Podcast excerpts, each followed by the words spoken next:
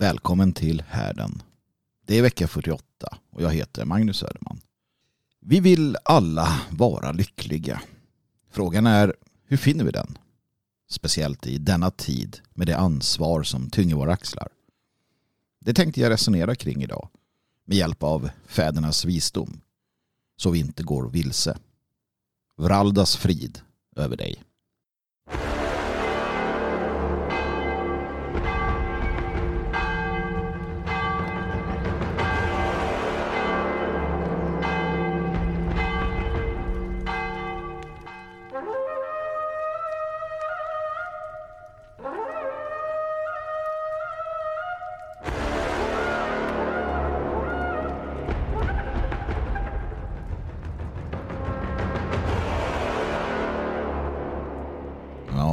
Iskallt ute när jag spelar in det här. Jag sitter och tittar ut på ett snötäckt landskap.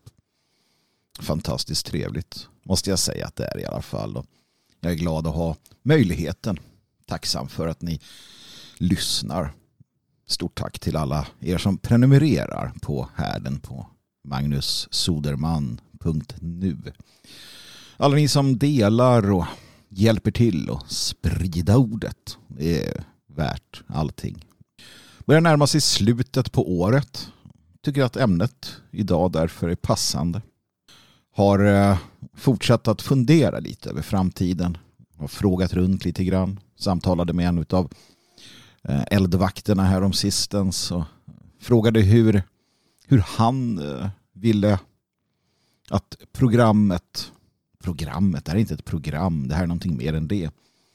Hur det här projektet, den här gemenskapen, hur den ska utvecklas framöver.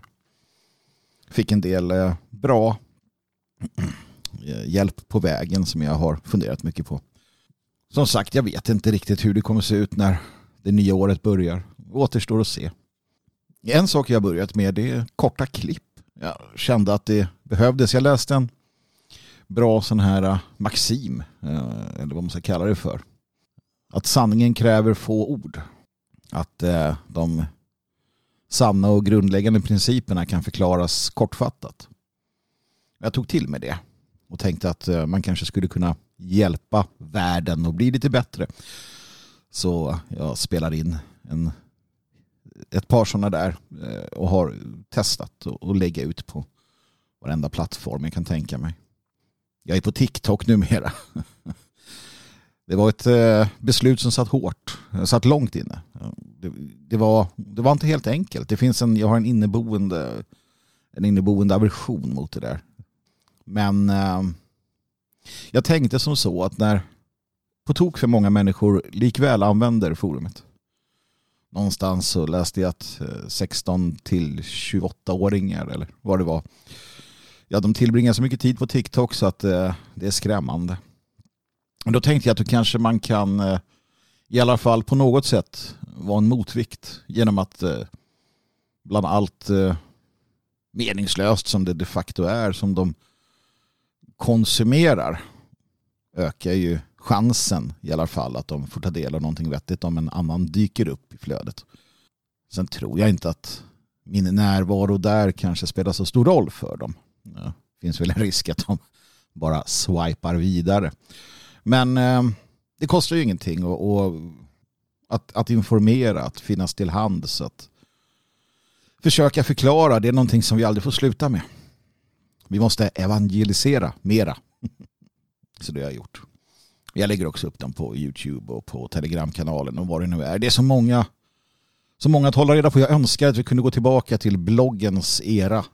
När det fanns en plats. Det var så mycket lättare då. Men eh, det är som det är och man gör det man kan. Och som sagt, jag vill tacka er alla som hjälper till. Framförallt såklart ni som eh, donerar ekonomiskt. Det spelar väldigt stor roll. Det är avgörande på, på många sätt och vis. Så jag hoppas att ni fortsätter med det. Bästa sättet är att gå in på www.magnussoderman.nu och skriva upp sig på en prenumeration. Kostar det en 50-lapp i månaden och det är inte så vansinnigt mycket kan jag tycka. Ackumulerat för egen del så blir det väldigt mycket som eh, kan avgöra och kan hjälpa till att man kan lägga extra tid på det här. Så ett eh, eh, stort tack till er som prenumererar. Ett stort tack till er som donerar och, och särskilt naturligtvis till eldvakterna som hjälper till långt mycket mer än eh, de hade behövt. Men eh, låt oss eh, gå vidare. Låt oss gå in på ämnet för dagen. Men innan vi gör det så eh, inleder vi med en bön. Allfader, gör mig till ett redskap i din strid. När fienden fylkas, låt mig vara redo att stå dem emot, att värna mitt folk, att möta mitt öde, att modigt göra min plikt. Allfader, där hatet gror, låt mig så kärlek. Där oförrätter begåtts, förlåtelse. Där misströstan råder, hopp. Där mörker utbreder sig, ljus. Där bedrövelse härskar, glädje. Gudomlige mästare, hjälp mig så att jag inte längtar lika mycket efter att bli tröstad som att trösta. Att bli förstådd som att förstå. Att bli älskad som att älska. Det är i givandet som vi mottaga. Det är när vi skänker förlåtelse som vi blir förlåtna. Och det är genom döden som vi föds till evigt liv. En eh, tjänares bön. En bön om hjälp att göra det man ska. En bön om att åsidosätta sig själv. Och det är lite så jag ser det. Med mig själv och med de som har valt den vägen idag. Och den är trösterik. Jag vet ju inte vad du har för uppgift. Det är inte säkert att du vet det heller. Men jag vet att du har en uppgift. Jag vet det och våra förfäder levde alla efter principen och, idén om att man alla har en uppgift. Jag tänker på vad Marcus Aurelius skrev. Och han skrev en hel del. Och det mesta var väldigt tänkvärt. Allt, en häst, en vinranka, är skapat för någon plikt. För vilken uppgift har då du själv skapats? En människas verkliga glädje är att göra de saker hon är skapad för. Och när jag läste det så tänkte jag på mitt år. Jag brukar alltid som sagt försöka sammanfatta mitt år. Eller jag brukar med jämna mellanrum ägna tid åt självreflektion. Att se vad, vad som har hänt och vad som har varit och varför och så vidare. Och en sak som jag ständigt återkommer när det gäller mig själv är att jag är stoisk i det stora. Jag är stoisk inför stora händelser. Jag är som bäst kanske när det finns en press utifrån. När världshändelser inträffar som får människor att bli oroliga så känner jag ett visst lugn i det. När stora rörelser är på gång så känner jag att det kan jag hantera. Jag har aldrig varit särskilt orolig över de personliga drabbningar som kan ske. Det man kan drabbas av som offentlig företrädare för nationell opposition. Jag har aldrig varit orolig för konsekvenserna för myndigheters eh, övervakning eller massmedias uthängningar eller alla elaka tungor överallt. Det är en del av det hela. Det är farligt att ha rätt när systemet har fel. Jag kan vara stoisk då. Jag kan vara stoisk när allt går åt skogen. Och det har gjort det många gånger under de år jag har varit aktiv. När man har varit på någon man har, man har känt att nu, nu är det nära att liksom det mesta går åt skogen. Så kan man ändå finna kraften och lugnet. Och det är inga som helst problem. Däremot så är jag betydligt sämre på det när det kommer till mitt känsloliv. När det kommer till mitt privata, den privata sfären. Och det är till min stora förlust. Varje gång. Att inte kunna vara stoisk då. Att inte kunna vara sådär avmätt eller vad man ska säga. Utan att jag rycks med och jag blir överväldigad. Och vad det nu kan tänkas vara. Och det är bekymmersamt. Och det gör att man, man eh, binder ris för egen rygg när man egentligen bör binda ris till någon annans. Att man eh, hamnar i bekymmer. Att man egentligen ni vet man är sin egen lyckas smed. Och det är sant, men man är också sin egen lyckas... Uh, vad ska man säga? Man är sin egen lyckas förstörare i mångt och mycket också. Så när ett år börjar med löften om möjligheter och möjligheter om trevligheter så, så lyckas man uh, så lyckas man ställa till det för sig så att det kanske inte blir som man hade tänkt sig eller snarare som man hade hoppats. Så att man kan å ena sidan då vara stoisk och man kan vara stark och ha förmågan att stå emot en tsunami av hat och hot och hets och vad du vill och samtidigt vara helt oförmögen egentligen åt att kunna hantera andra aspekter av detta. Människans känsloliv är ju komplext. Jag tror att du känner igen dig. Du kanske är tvärtom. Eller känner igen dig på andra sätt och vis. Men vi har alla sprickor i vår rustning. Där vi inte klarar av riktigt att hålla emot som vi borde. Och det här är en lärdom som man, man bör ta med sig. Det är en lärdom jag själv ofta försöker att implementera. Och jag blir, jag blir bättre hela tiden. Jag blir bättre hela tiden. En, en sån här stor sak som har hjälpt mig det här året, det, det var liksom lärdomen om att, att man kan å ena sidan, om du har en händelse, du har någonting som sker, å ena sidan kan du vara väldigt sorgsen över det. Du kan vara väldigt sorgsen över det som sker. Du kan uppleva förlust och du kan uppleva äh, ång, ångest, ånger, längtan samtidigt som exakt samma händelse faktiskt kan vara något som gör dig lycklig. I det fallet inte för din egen skull. Men utifrån ett större perspektiv. Så du kan vara olycklig och lycklig inför samma händelse på samma gång. Men bara om du kan hantera och någonstans rent intellektuellt sortera känslolivet. Och det är det som man bör sträva efter att kunna göra. För det är då man kan se de olika sidorna av saken. Den förmågan när det kommer till de stora händelserna har hjälpt ganska många faktiskt. Och mig själv inbegripet. En eh, kär väninna berättade att hon under lång tid hade svårt att hantera saker i sitt liv. Som gjorde att man eh, mådde dåligt. Att man eh, kunde känna en uppgivenhet. Att, att saker kändes meningslösa. Och det här är ju någonting som hon delat med väldigt många svenskar. Framförallt yngre. Där vi ser hur eh, framtidsentusiasmen inte är snarare så, så, så entusiastisk. Där man ser mörka moln på himlen. Där många mår väldigt dåligt. Väldigt dåligt. Och det är inte så konstigt att man känner det. Det är inte så konstigt att man mår dåligt. För att vi blir alla som någon form av fartyg som styr efter lanternan i toppen på masten istället för att ha en fixstjärna.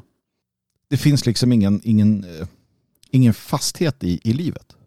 För att vi inte riktigt vet vad livet går ut på. Men hon berättade sen att när hon, och det här känner jag igen, när hon insåg, när hon kom till insikt med, när, när hon kände i djupet av sin själ att det fanns en mening utöver alla de personliga och samhälleliga viljorna och kraven. Utan det fanns någonting mer. Då fanns det också genast en kraft att ta tag i när saker känns som jävligast. Och, och det här känner jag igen så väldigt mycket. För att man upplever personliga motgångar, personliga sorger, personliga, personliga förluster. Och de kan kännas oövervinnerliga. Det är lätt att eh, fastna i, i den nedåtgående spiralen. Och jag har varit där flera gånger. Men det har alltid funnits en eh, livlina om du så vill. En, en, en, ett handtag att ta itu med. En, en tamp, en tåt som har slängts till en. En livboj. Och det har varit insikten om den uppgift jag i grund och botten är skapad för. Så som Aurelius förklarar. En häst, en vinranka, en tistel. Allt är skapat för någon plikt. Ergo för något syfte. Och när man inser det, när man förstår det, när man tar det till sig att allt det här andra, det är som en det är som en, eh, inte chimär kanske, men det är som en, en fond till mitt syfte.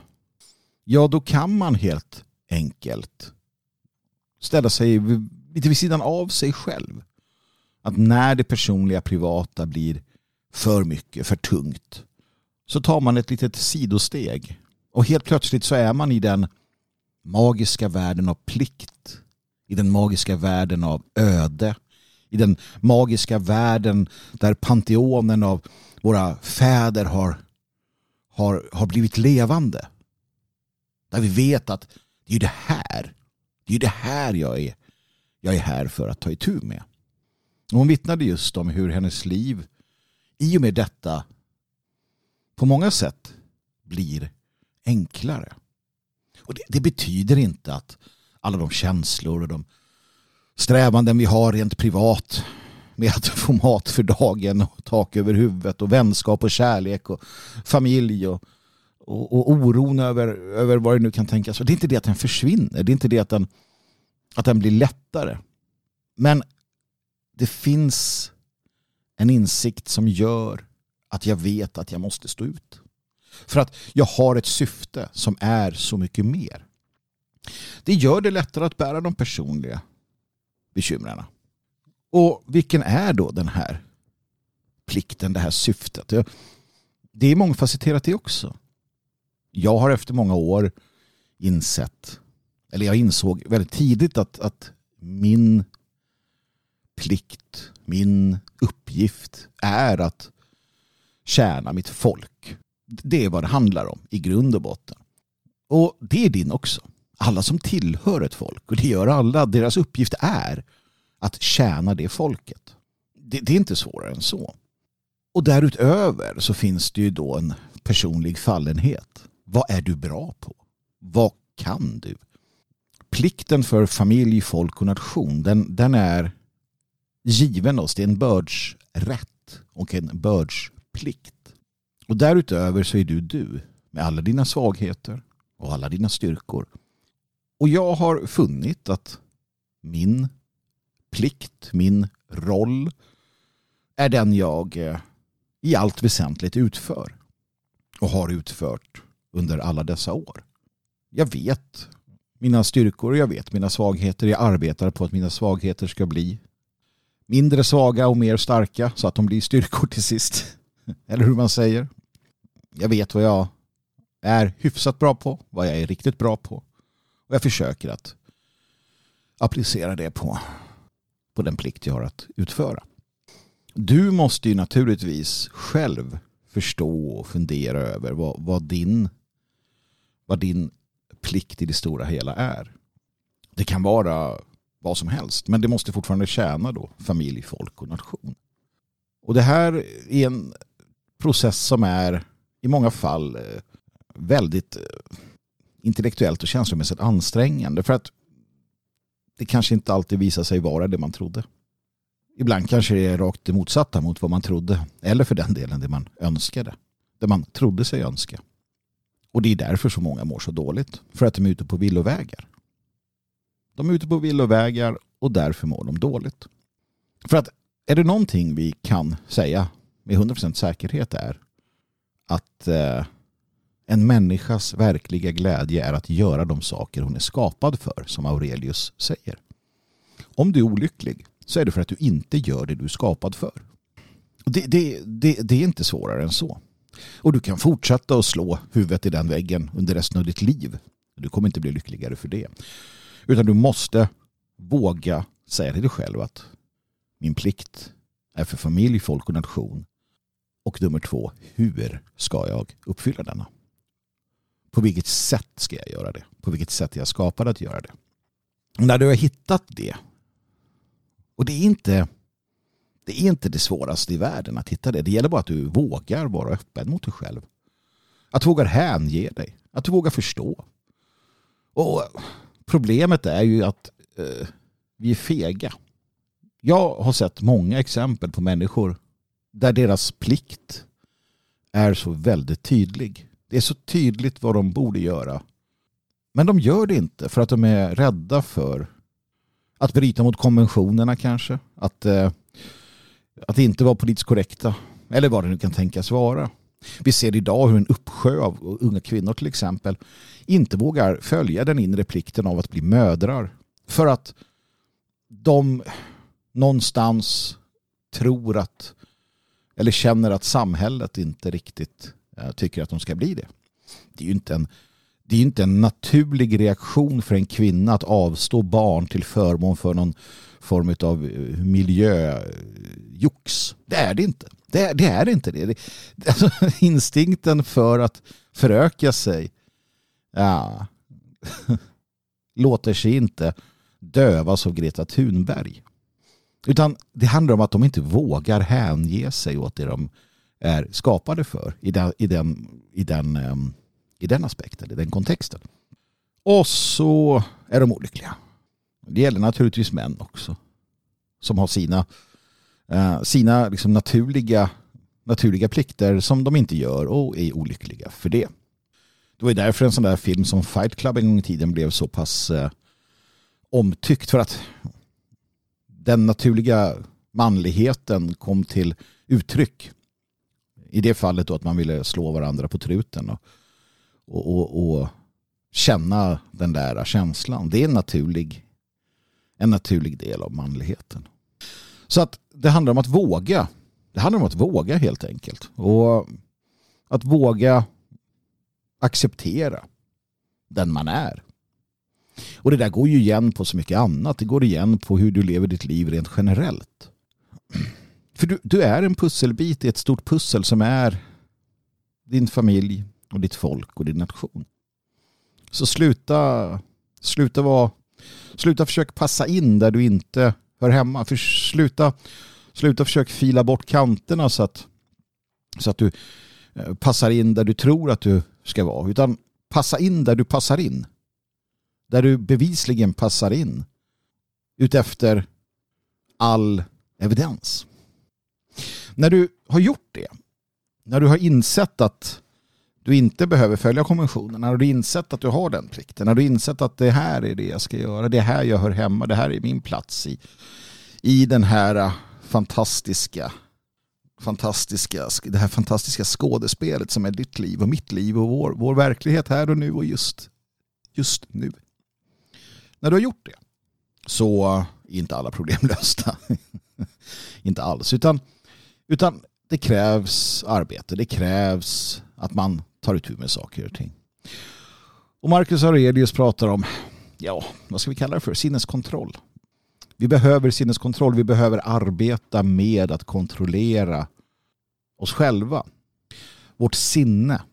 För att hur det än är, och det här är en, en sanning som är så svår för så många att tacka i sig, inklusive mig själv. Jag kan göra det på ett större plan men jag har väldigt svårt att göra det på det, det inre planet. Det är att det enda jag kan kontrollera om jag vill, om jag arbetar för det, det är mitt sinne. Det enda jag kan kontrollera det är mig själv. Och det här är en enorm källa till styrka för att kunna hantera alla utmaningar i livet.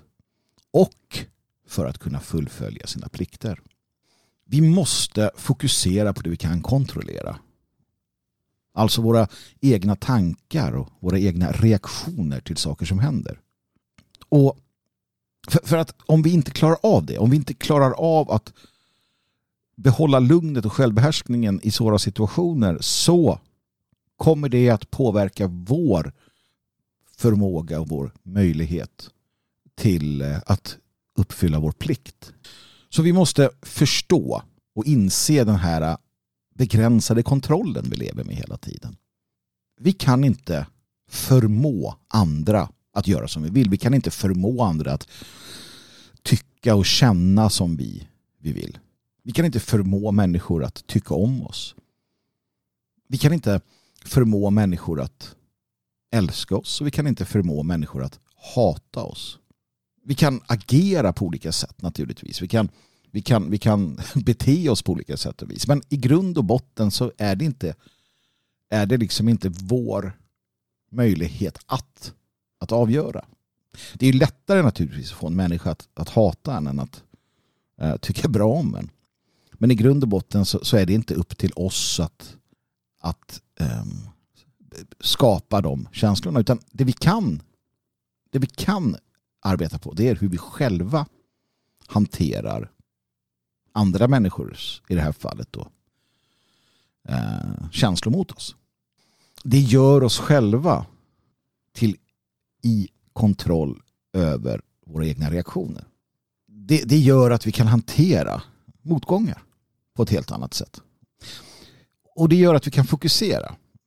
En annan sån här sak, och det här är det privata, men om du tittar utifrån det, det större perspektivet så läser vi konstant nu och, och ni som troligtvis tillbringar på tok för mycket tid eh, på sociala medier, um, YouTube och annat och, och, läser om den ena konspirationen efter den andra. Snart gör de ditten och snart gör de datten. Snart kommer de införa det här eller det här eller det här. Och, och det behöver inte vara konspirationer alltså i, i form av så här dår, dåraktiga konspirationer. Det kan bara vara eh, annan information som vi får från våra från makten som är där de säger att vi ska, vi ska göra det här, vi ska göra det här minsann. Kan du förändra det? Nej, inte du just eh, på egen hand här och nu. Du kan naturligtvis och ska alltid säga, säga ifrån och säga emot och stå upp för dig själv. Men om äh, makten som är har bestämt sig för att införa en äh, elektronisk valuta för hela EU, låt oss säga. Så ska du säga emot det. Du ska bekämpa det och du ska, vara obstru, du ska obstruera så mycket du kan. Men du kommer inte själv kunna ändra det. Med, med största sannolikhet så kommer de driva igenom det de vill driva igenom. Alltså måste du kunna släppa det också. Och fokusera på vad du kan göra. Du måste hela tiden sätta saker i, i eh, kontext. Och sätta saker i vad kan jag, vad kan jag inte påverka. Du kan påverka om du ägnar timmar varje dag åt att glo på tv istället för att eh, bygga upp en eh, robust struktur eh, i ditt liv. En robust struktur som gör att du och din familj eh, kommer kunna klara framtidens utmaningar bättre. Det kan du bestämma själv. Det är ju helt upp till dig. På samma sätt är det helt upp till dig om du eh, kastar bort dina pengar på vad, vad vi kan då kalla för meningslösa nöjen eller om du investerar dem på ett sätt som gör att du och din familj och andra har en robust framtid. Mer robust framtid. Mer, möj, mer robust möjlighet att möta framtiden. Det kan du göra. Och som jag brukar säga med eh, det projektet som jag var med och grundade Det fria Sverige och det arbete vi gör här i Elgarås och som jag förutsätter att ni andra gör där ni befinner er om ni inte kommer hit.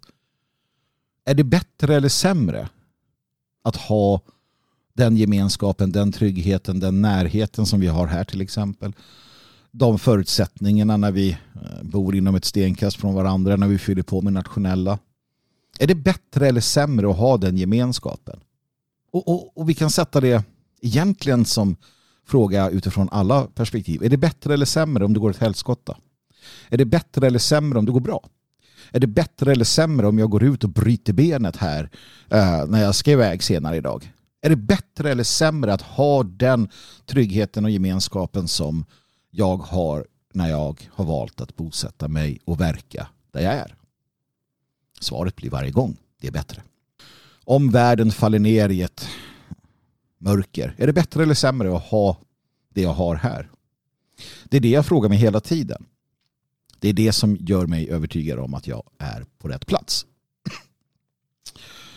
Alldeles oavsett tillbaka till eh, där vi var. Vi måste inse den begränsade kontroll vi har och sen ar arbeta för att få så mycket kontroll som möjligt över det vi kan kontrollera. Och där handlar det om att fokusera på oss själva och våra egna åtgärder. Istället för att konstant oroa oss för de yttre omständigheterna eller andra människors åsikter om vad vi gör så ska vi fokusera på att göra det bästa i de situationer och med de uppgifter vi ställs inför. Det säger sig självt mina vänner. Strunt i vad folk tycker. Strunt i vad familjen tycker. Strunt i vad, vad vem än det månde vara tycker.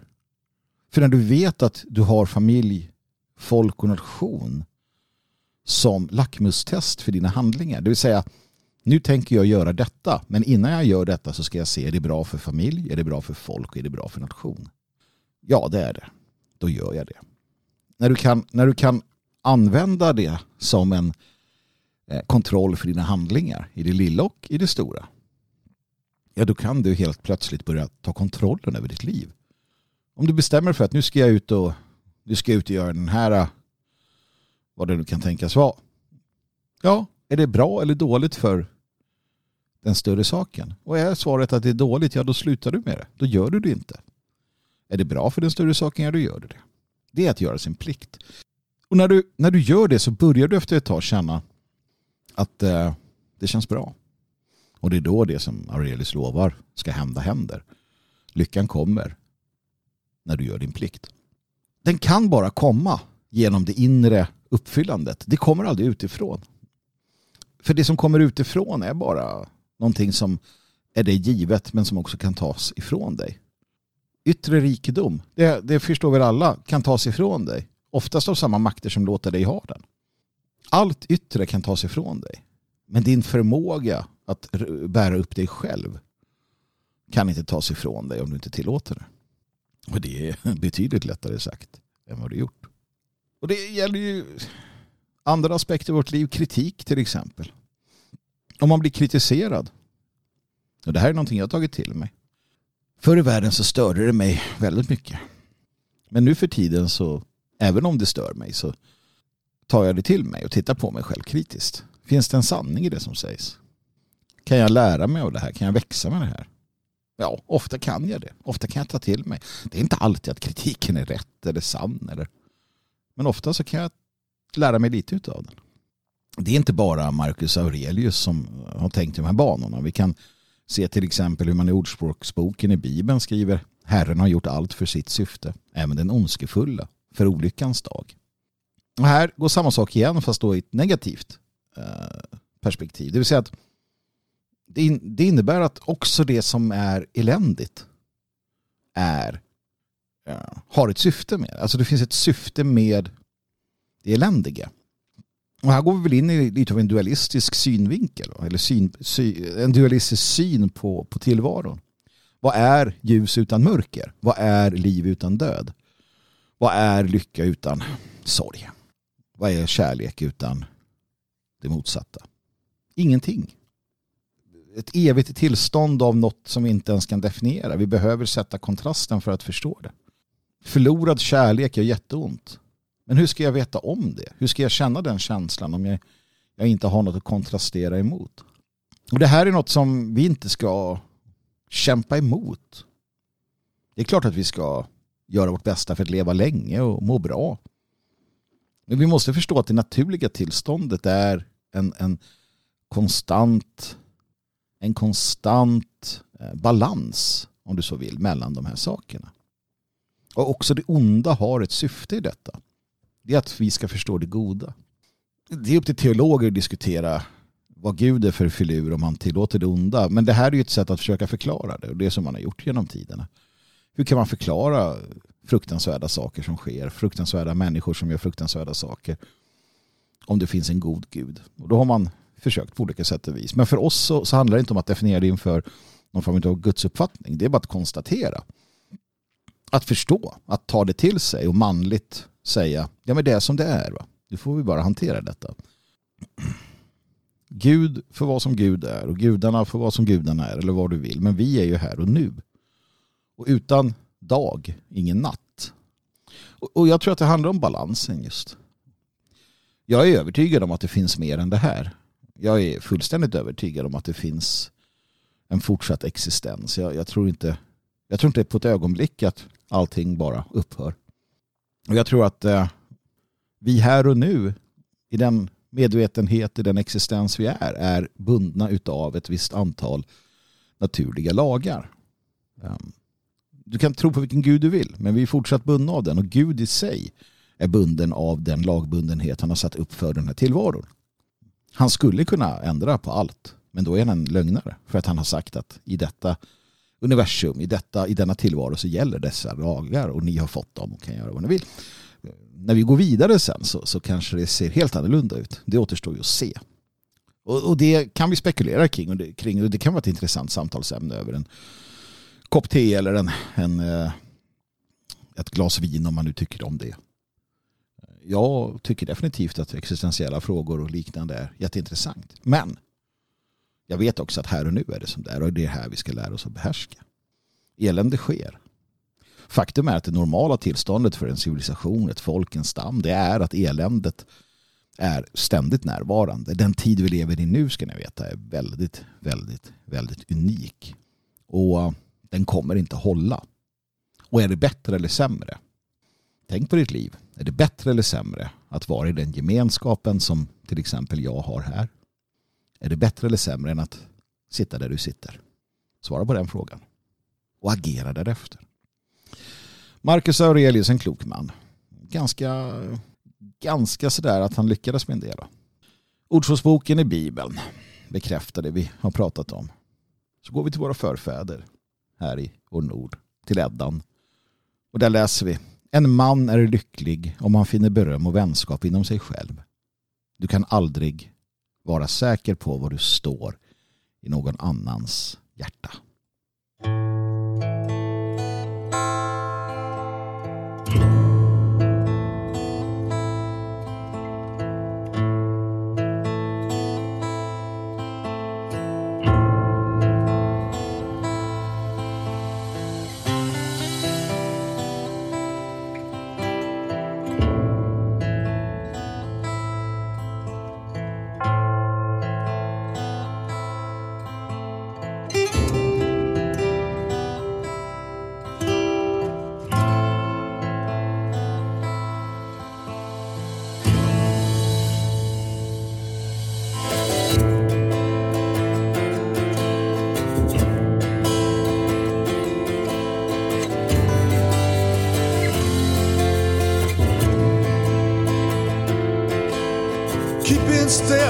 rest.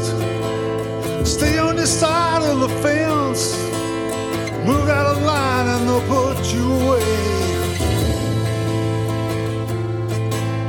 Remember to do what you're told while your country is being sold. the invader infects your land like a plague. They can't break your spirit. The defenders of the faith, and they can't bend your will. They won't stand in your way for as long as you draw breath. You'll lurch on the winds of change and do what you do best. Defenders of the faith.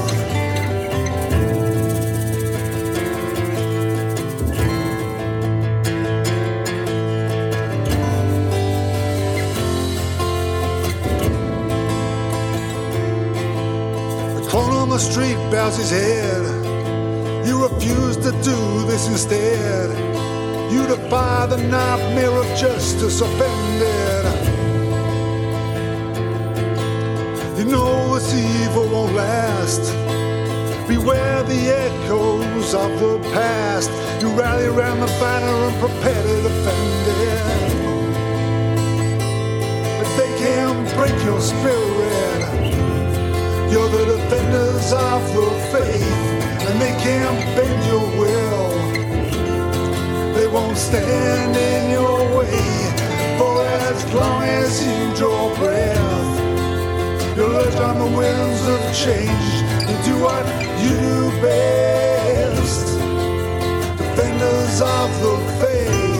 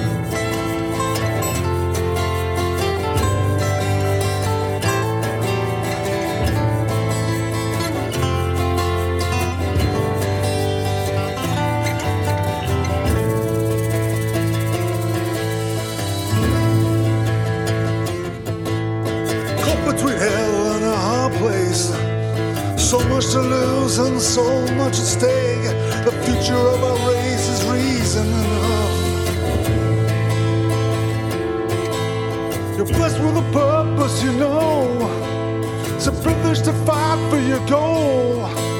You're made of the metal that honor is made of. And they can't break your spirit. You're the defenders of the faith. And they won't bend your will. They won't stand in your way for as long as you draw breath. You're urge on the winds of change. You do what you do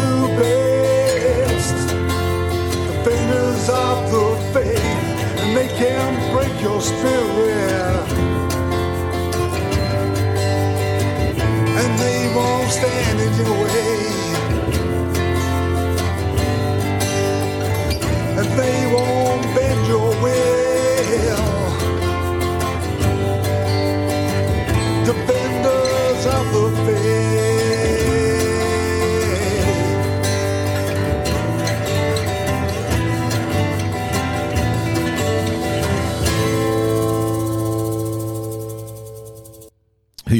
önskar att jag satt vid en stor eld tillsammans med en massa människor.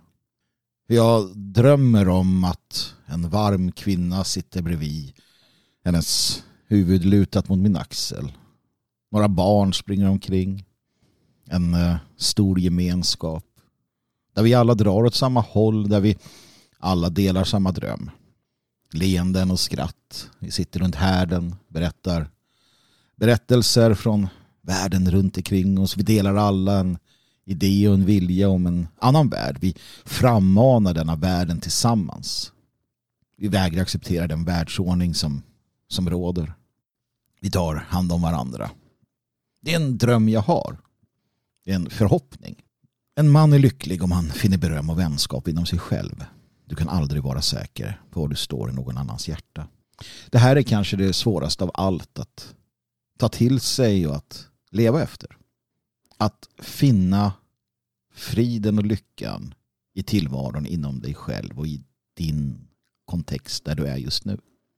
Du kan inte, jag kan inte, vi får inte hänga upp vår lycka, hänga upp vår motivation, hänga upp vår frid på andra människor. För vi vet inte. Vi vet inte på, på vad vi står i, i hennes eller hans hjärta. Och allting kan tas ifrån oss. Och då sätts allting naturligtvis på spel upp och ner. Det här betyder inte att vi inte ska älska. Det här betyder inte att vi inte ska känna. Men det betyder att allt sånt är en bonus i vårt liv. Och det betyder att vi måste ha den stabiliteten och grunden i oss själva. Och det här är för en fullt normal människa det svåraste som finns. Tro mig, jag talar av egen erfarenhet. Det är så svårt att inte knyta sin lycka till någon annan person. Antingen i, ett, eh, i en kärleksrelation eller i en eh, annan typ av relation. Att väl och ve knyts till folket eller till som sagt då en käraste eller till familjen och så vidare. Det är klart att om man har en en käraste, om man har en familj, om man har en ett sammanhang där man trivs och allt är bra. Det är klart att lyckan förstärks. Glädjen. Men, men det kan inte vara beroende av det. Det betyder att du måste ha den stabila grunden i dig själv. Och det är det som man då säger redan. Beröm och vänskap inom sig själv. Och det får du när du gör din plikt. Det får du när du inser vilken som är din roll. Och det här är jätteviktigt att framförallt lära unga människor i dessa tider, i dessa sociala mediatider. När, när allting handlar om att få någon annans beröm och uppskattning. Gilla, markeringar, klick. Det är det som människan drivs av idag. Lägga upp en bild och få klick, gilla. Vi tycker alla om det. Den som säger att de inte blir glada av positiva reaktioner på sina inlägg på sociala medier ljuger. Vad gör du där då? Det är klart att du vill känna det. Men frågan är hur nöjd i dig själv är du? Och det är där allt börjar. Det är komplement i livet. Det är bonusar. Att eh, göra någonting som du uppskattar och sen säger någon annan att det här var bra. Eller att klä upp dig, klä dig så att du tycker att du är snygg. Och sen få höra från någon annan att du ser bra ut. Där har du det. Att eh, laga en god middag som du själv upplever och tycker att det här gjorde du bra. Du är glad över det, du ler och sen kommer någon och säger Gud vad gott det här var. Det här gjorde du bra. Där har du funnit balansen. Och det är det som Eddan berättar för oss. Det är inget fel att berömma dig själv när du känner att du har gjort något bra. Gör det. Och var vän med dig själv. Och jag säger det här lika mycket till mig själv som jag säger det till dig. Det är kanske därför jag låter extra arg. Bli vän med dig själv. Finn beröm hos dig själv. Finn kärlek hos dig själv. Bygg den stabila grunden. Och det här är som sagt det svåraste av allt. Och det handlar om självkänsla. Självförtroende. Och det är något vi alla behöver arbeta med. Allt det här jag har pratat om, det är lättare sagt än det är gjort. Så enkelt är det och jag tror att vi behöver varandras hjälp i detta.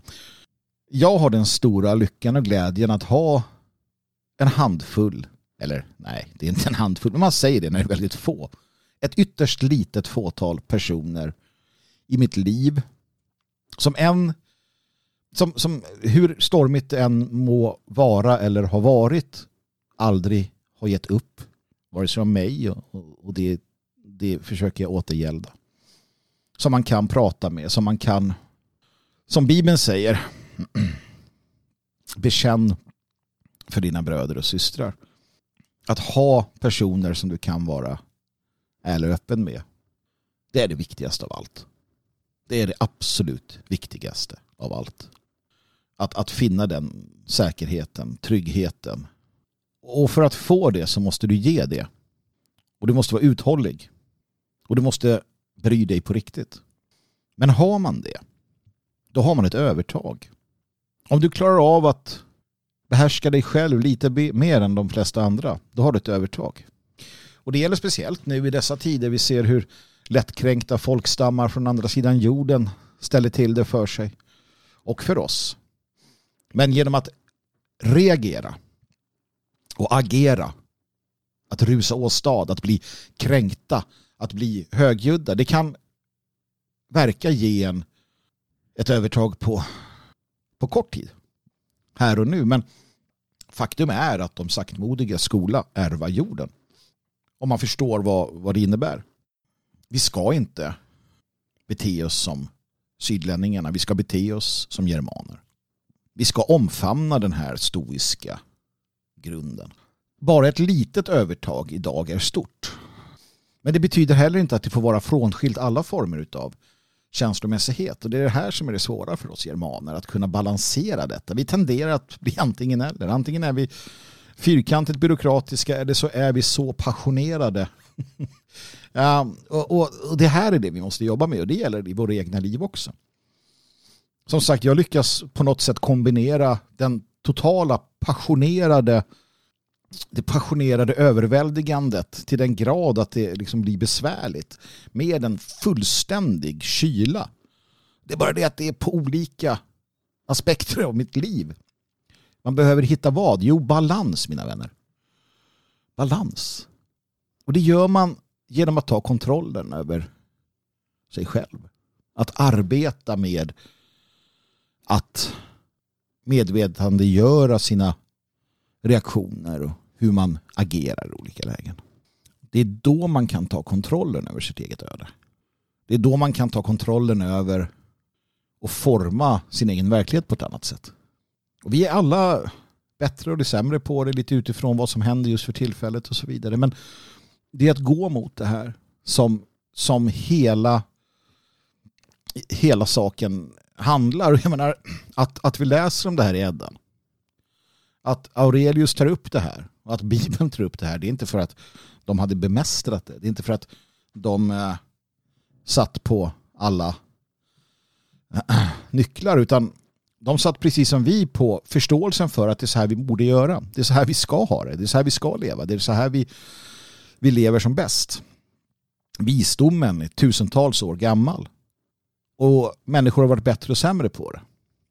Och i dessa tider så är det otroligt enkelt att vara lite bättre än alla andra på det. För att vi lever i en sån tid då dessa principer helt har skyfflats undan. Och det är det jag vill att vi alla ska ta med oss ifrån det här. Låt oss fundera över, ta med det här, kära lyssnare. Låt oss fundera över hur våra dagliga plikter och val formar vårt människovärde. Det vill säga i enighet med Vitalis Nordström, idén om att pliktuppfyllelsen de facto formar människovärdet. Det vill säga vi som människor avgörs definieras av hur väl vi uppfyller våra plikter. Och tänk då också i det sammanhanget om det är de stora bedrifterna som definierar oss. Eller är det kanske hur vi hanterar de små dagliga plikterna som verkligen berättar vår historia?